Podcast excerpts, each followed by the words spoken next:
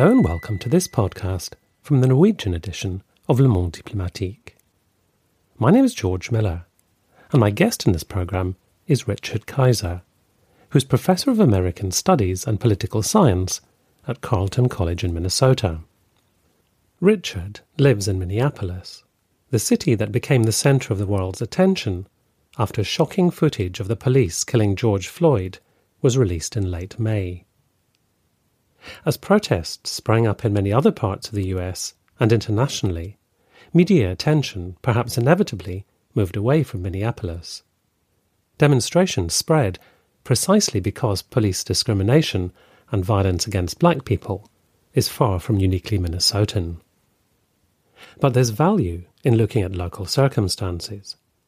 As Richard Keiser notes in his article in the latest edition of Le Monde Diplomatique, all but 8% of Minneapolis Police Department officers live outside the city they police.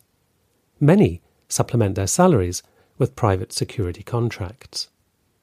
When the mayor banned so called warrior style police training, police union president Bob Kroll offered it free, paid for out of union funds.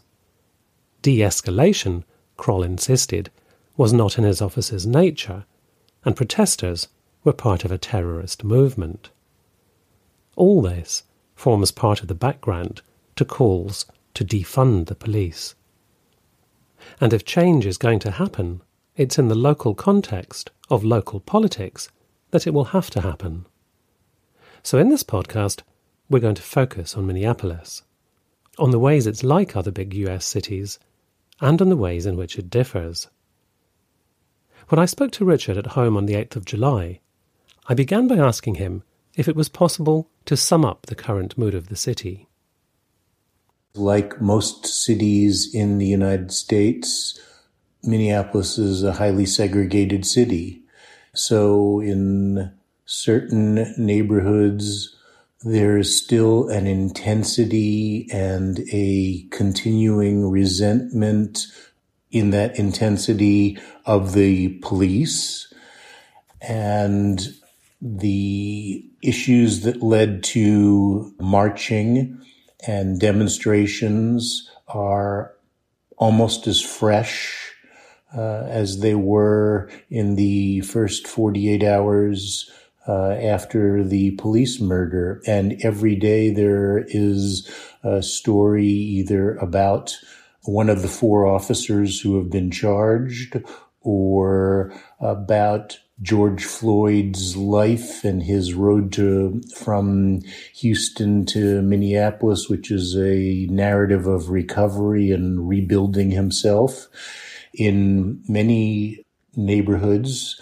And, and those would be neighborhoods that are both neighborhoods uh, of people of color and low income, and also some of the wealthier neighborhoods that uh, have certain privileges that enable them to stay focused on the wrongs and injustices that have been the focus of the demonstrations. But in many other neighborhoods, there's a pushback that has been developing that is really about the future. I have not seen any change in the attitude about whether or not George Floyd was murdered by the police unjustly.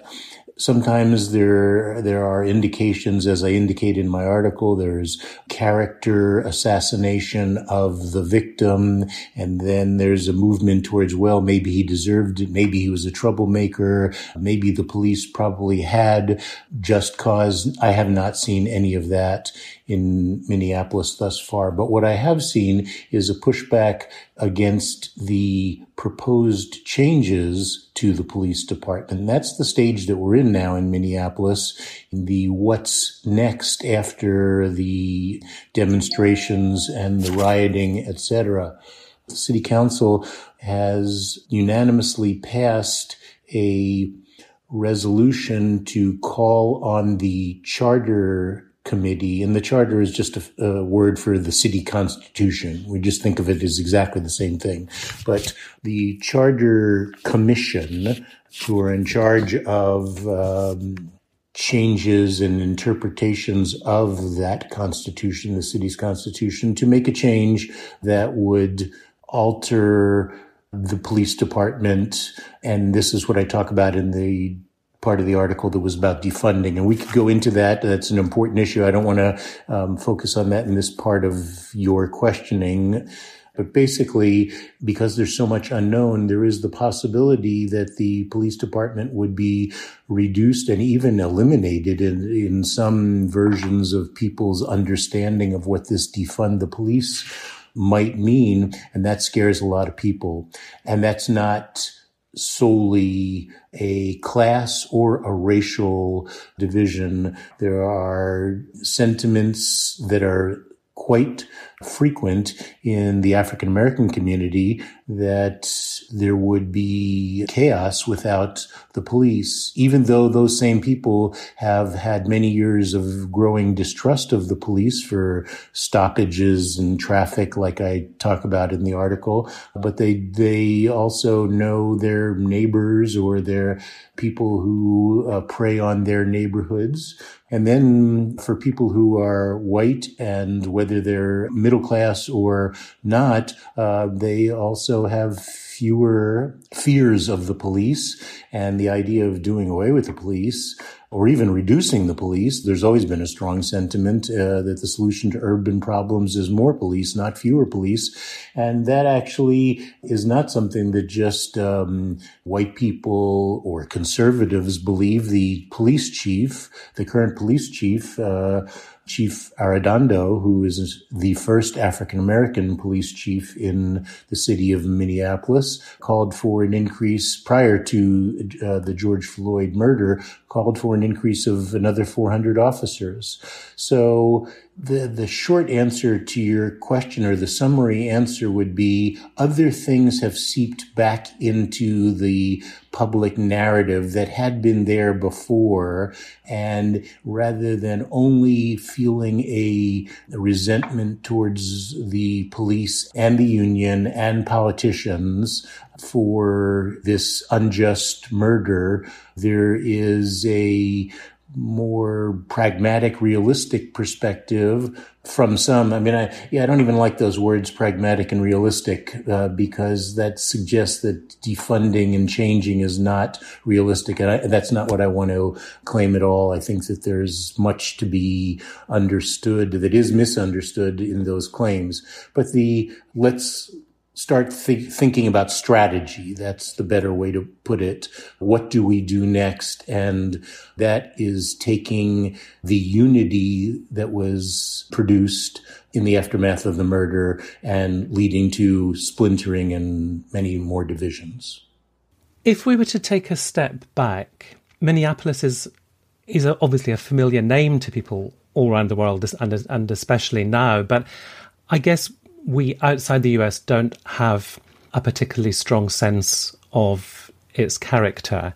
But if we do associate things with it, it's probably things like the performing arts and center of business and corporate headquarters. And if you look on Wikipedia, it says it's got one of the, the largest LGBT communities in the United States. So there's a lot of a lot of the, the things which are taken to shape external perceptions of it run in, in that particular direction.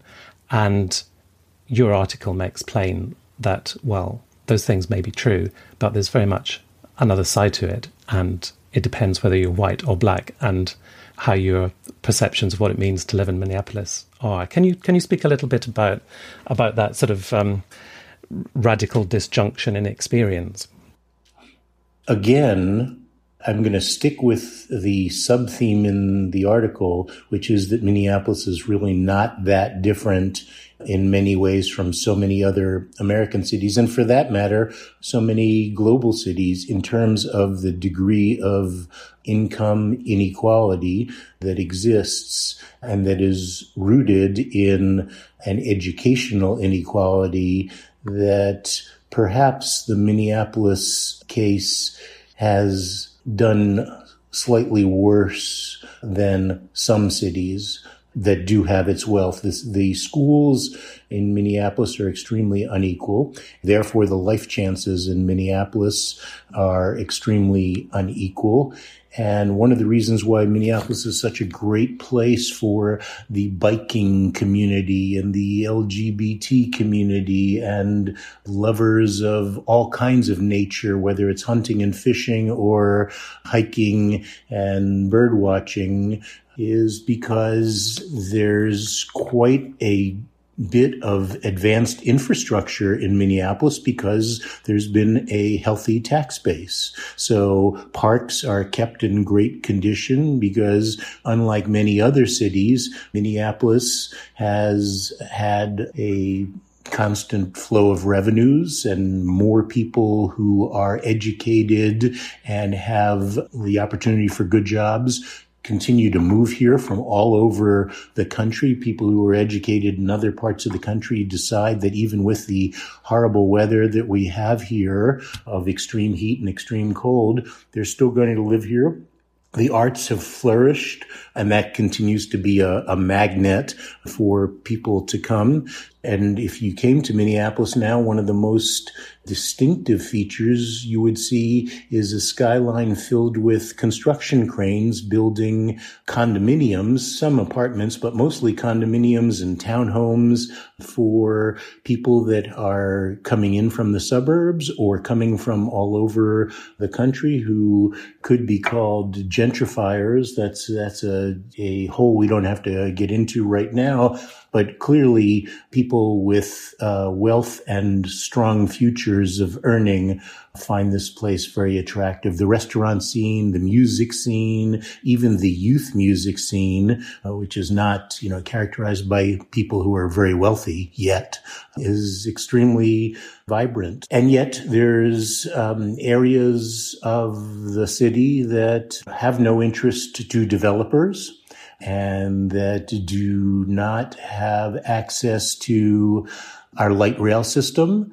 Uh, they're reliant on buses, the bicycles and scooters that are a sign of urban professionals and youth who have lots of time for leisure and luxury. Those are scattered in neighborhoods that you could plot by zip code and income, and they're absent in other neighborhoods. And much the same, in my view, could be said about Chicago and St. Louis and Philadelphia and Baltimore I mean, the the few cities. San Francisco is a city that uh, has almost successfully pushed out, per, partially to Oakland, partially to its surrounding suburbs, the poor. But that's atypical. Uh, most of the rest of the American cities. Um, have uh, neighborhoods or arrondissements that um, look like they have been untouched and decaying for a very long time.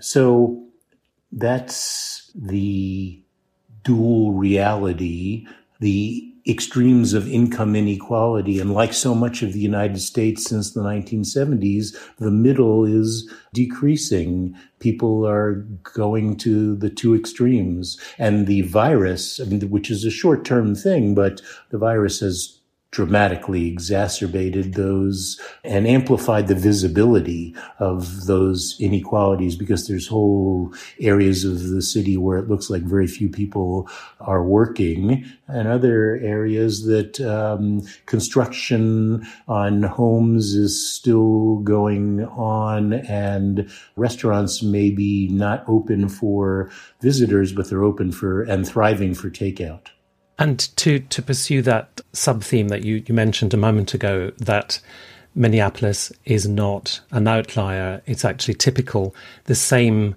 you would say, is true of the way black people experience interactions with the, the police force.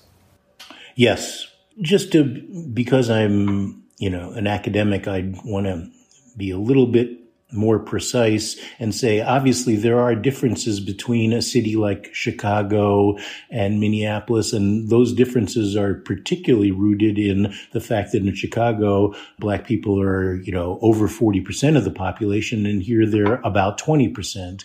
What that means is there's going to be more African American rep- representation on city councils. And we're not going to have, you're not going to have your very first black police chief. Uh, and Chicago, uh, well, a city like Philadelphia would be even better to compare it to because there, there's been more than one African American mayor as well. One other thing that is a difference that's noteworthy, particularly in a comparative situation, is that in those larger cities that have twice the African American population, there is a sizable black middle class that has made a significant mark in business and wealth, or at least income, if not wealth. And that does not yet exist in Minneapolis. To, that translates to political power. So there's much more, and, and political power that is uh, different than activist African Americans. And I think that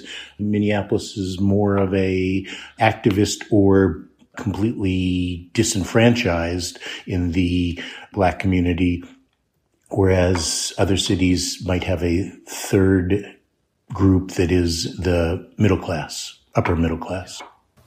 Since the killing of George Floyd, there's been a, a great deal of media attention focused on police unions in the US.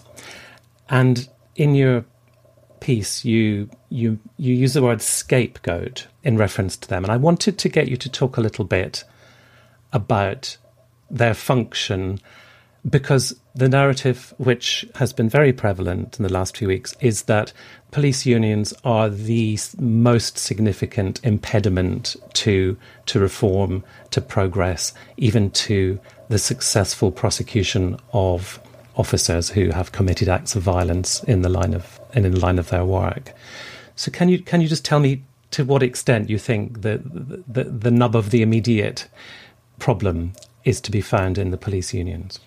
You are right that it does appear, and it is accurate. It's not appear, it is accurate that police unions are the major, the most major impediment to changes in the uh, behavior of police officers. They're supposed to protect the officers and their behavior and make sure that the officers are not that discretion is not used against officers who are simply doing the job that they're supposed to. And one thing that is notable is Minneapolis and Minnesota are locations where union ideology and ideals are still uh, respected and even revered in the United States. There's whole parts of the United States, as you and uh, the Le Monde Diplomatique readers are well aware, where unions are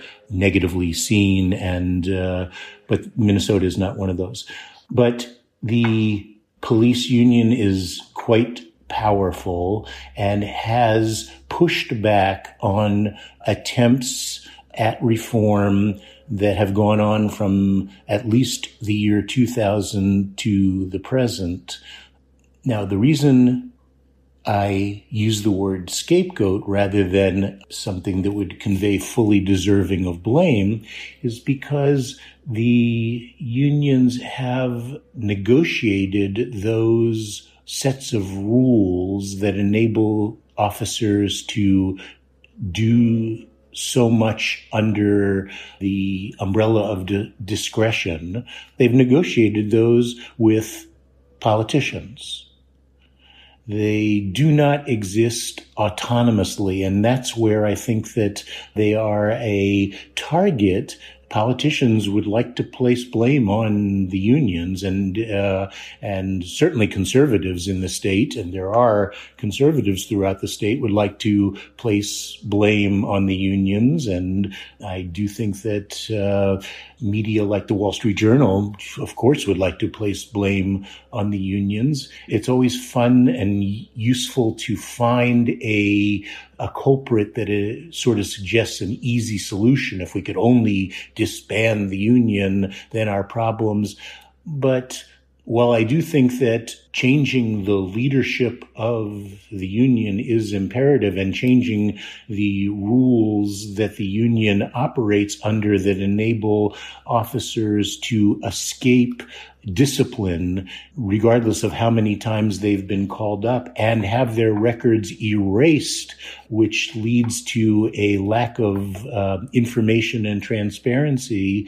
Those rules were negotiated by mayors in particular, as well as in some cases the state legislature. And remember, the state is much more conservative and much less diverse racially than the city of Minneapolis. That would be true of every place in the United States.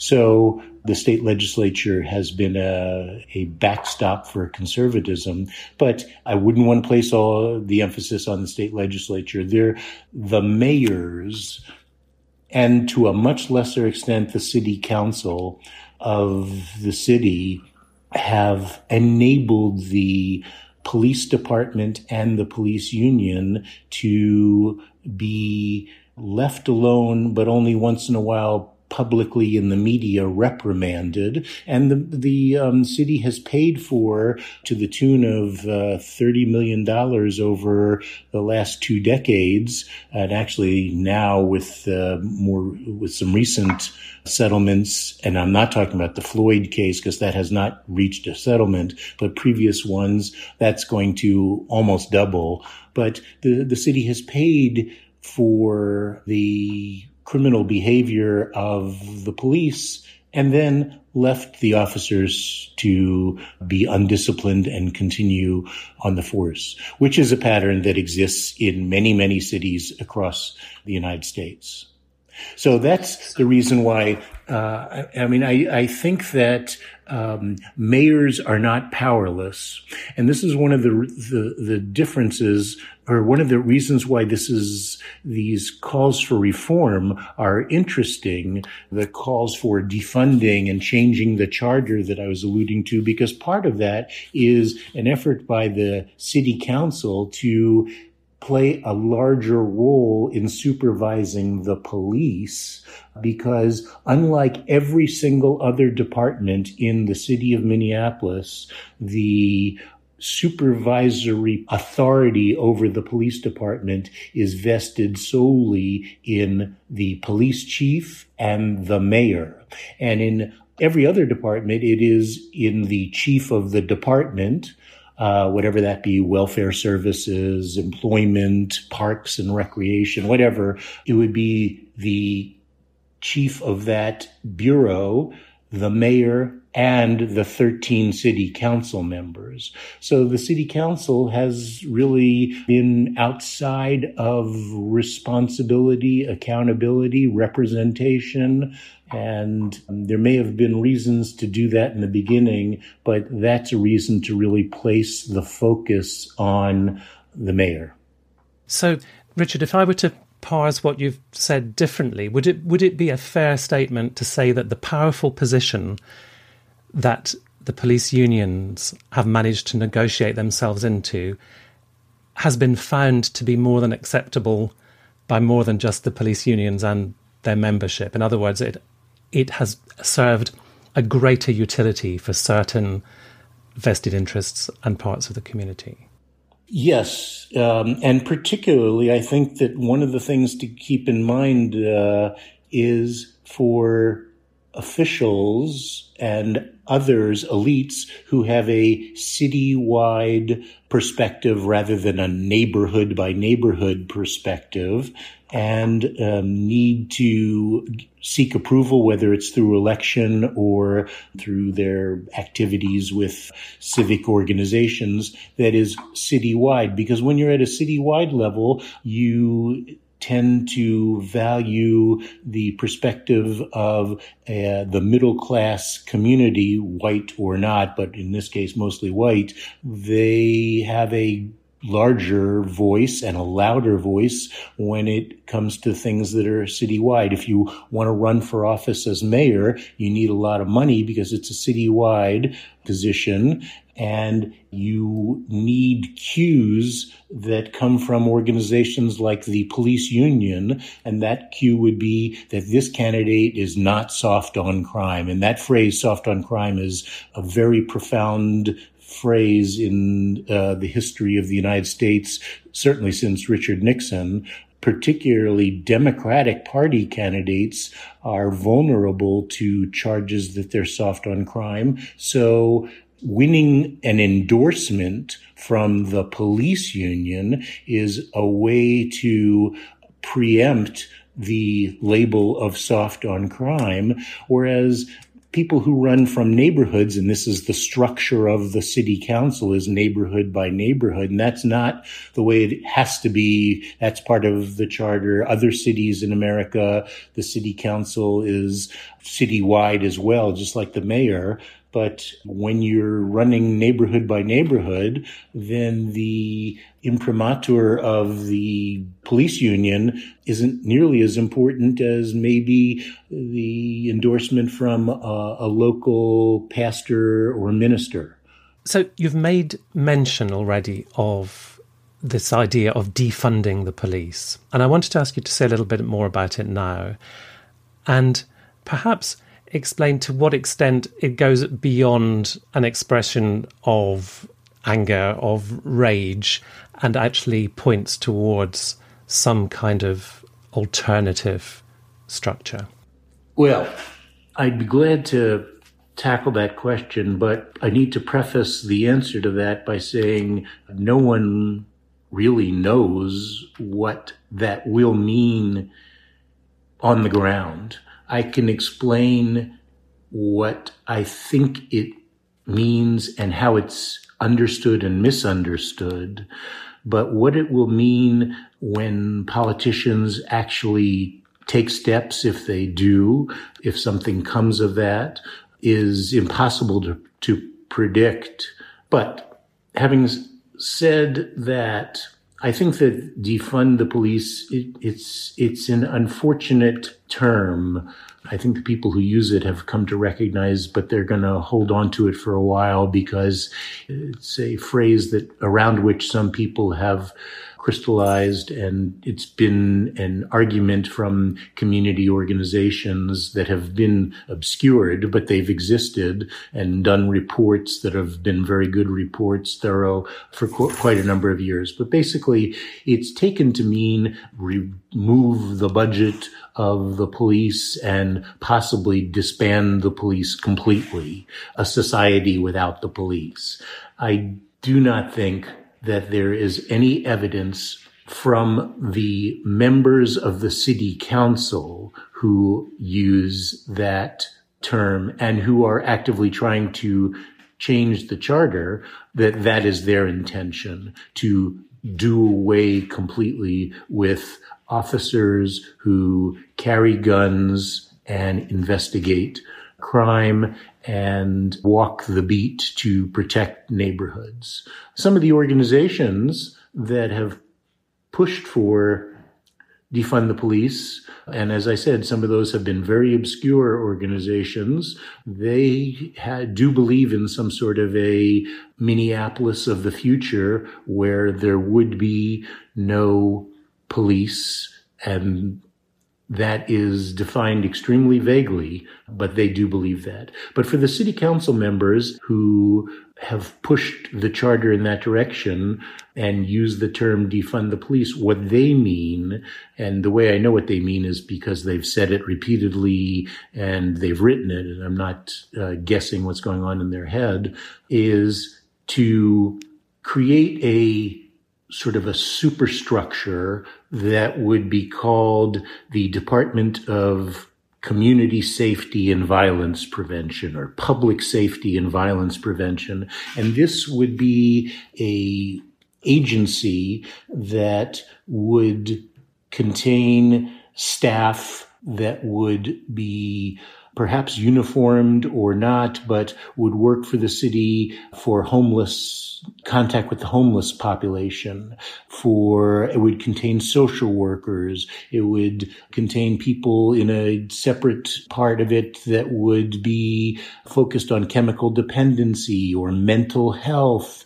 And the the ethos of the Department of Community Safety would be to start with prevention of violence rather than respond to violence, which is the characterization of the police department responding to. They get a call, they respond. There's maybe we can heal. So all the city council members talk about a public health perspective. The public is ill and shouldn't be greeted by tear gas carrying gun toting police, but should be greeted by others, particularly when there's a 911 call. The emergency response should have different avenues. Maybe a social worker would be better than a police officer. Within the umbrella of the Department of Community Safety and Violence Prevention, there would still be a licensed Minnesota peace officer division, and that would look very much like the police department, although it would be smaller because some of the jobs that the police currently do would be now done by social workers and chemical dependency specialists and homeless outreach uh, people, et cetera, et cetera. So it'd be smaller. And the chief of the Department of Community Safety would not be a police officer. It would be a someone with uh, public health expertise. I think that that's the explanation that many citizens in Minneapolis have not heard clearly enough. I think that the city council members are weathering a storm of criticism and they're waiting to do a more full explanation until maybe the situation is clearer with whether the charter will change or not. But the elected officials that have spoken on this are basically in agreement that this umbrella structure would include something that looked a lot like a smaller police department and many other staff. The final thing that I'll say about this strategy there's two things. One is the re- the way it's linked to the charter change is unfortunately the charter of the city of Minneapolis stipulates that there will be a Minneapolis police department. And it even stipulates the size of the police department. There's some sort of formula uh, based on the size of the population and therefore how many officers have to be there. So that is a constitutional law of the city of Minneapolis. So to reduce the size and actually to eliminate something called the Minneapolis Police Department and create something that might be labeled the Minneapolis Peace Officer Corps or whatever requires a, a legal change.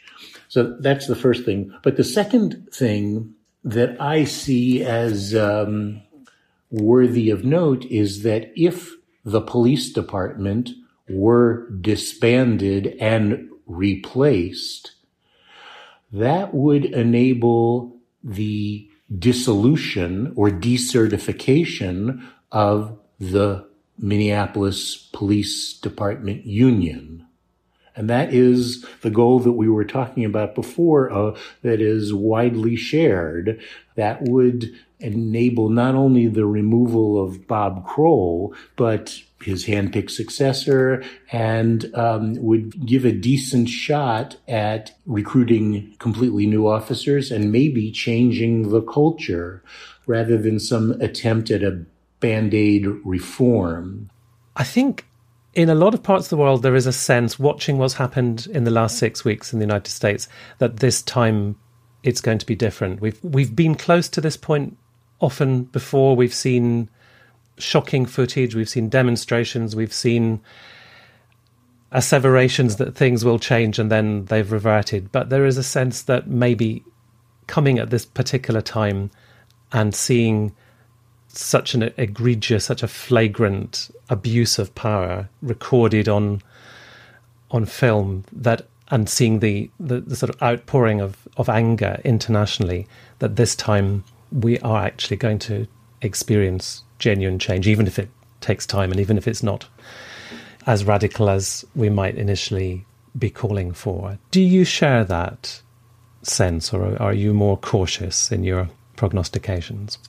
Well, to be slightly humorous, but uh, that kind of optimism may be where we see the difference between younger people who are much more hopeful and somebody as old as I am and as jaded as I am.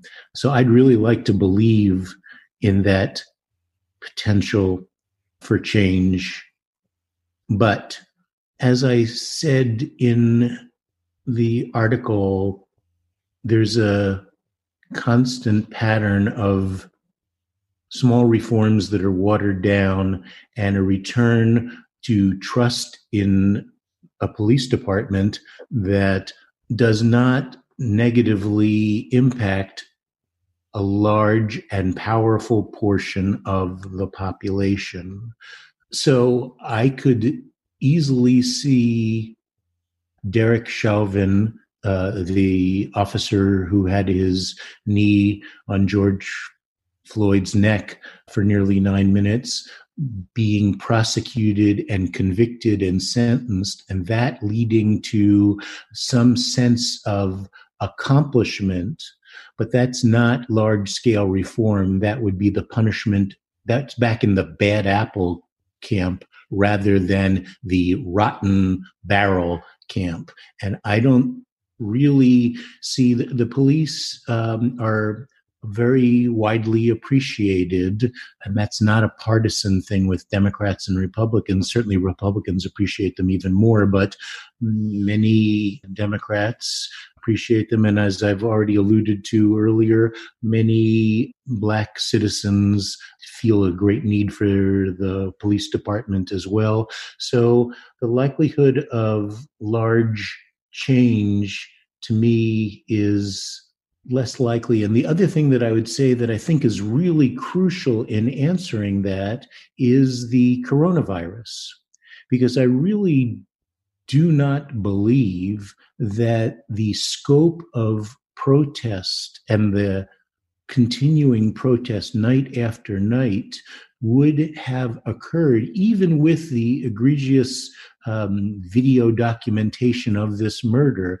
I don't believe it would have occurred if we didn't have the background of the coronavirus leading to so many people being out of work and having so much time to occupy with protest and marching and demonstration, etc. And that, you know, one of the special things about the protests here and in other parts of the United States, certainly in New York, which had very sizable protests, was that the protesters were a mixture of black and white, and there were quite a large proportion of young white protesters. In some media reports, they dramatically outnumbered the black protesters. I think that a lot of those people would have been working and going to bed for the job the next day if there hadn't been a coronavirus. And I do think that when people return to work, the focus on police reform will unfortunately subside as well. So that's a combination of people will be focused on other things and the level of resentment of the police is not evenly distributed throughout the population. There's many parts of the population, including some that are protesting, who are protesting on behalf of others, but they have not had the kinds of experience with the police that I was documenting with, uh, you know, the traffic stops and driving while black etc. And of course, it's it's worth saying, perhaps in conclusion, that that reforming the, the police in itself does not tackle the systemic inequalities that you talked about at the beginning, the systemic income inequalities. So that behind the discussion of the police, there are, of course,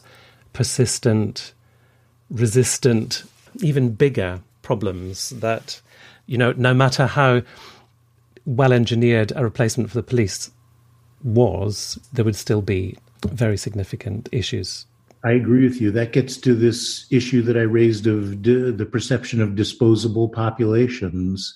I think that as long as sizable proportions, majority perhaps proportions of the population see people, uh, whether they're white or black, but particularly when they're black, with criminal records uh, and drug felonies uh, or even drug misdemeanors as guilty and deserving of what they what has happened to them and as somehow morally at fault because they haven't risen to the opportunities that exist in the United States. They haven't pulled themselves up by their bootstraps. They haven't taken advantage uh, of the situation. There's a lot of blame that is placed on populations that find themselves the victims of structural inequalities. And I was alluding to the unfortunate situation of schooling in America as a cause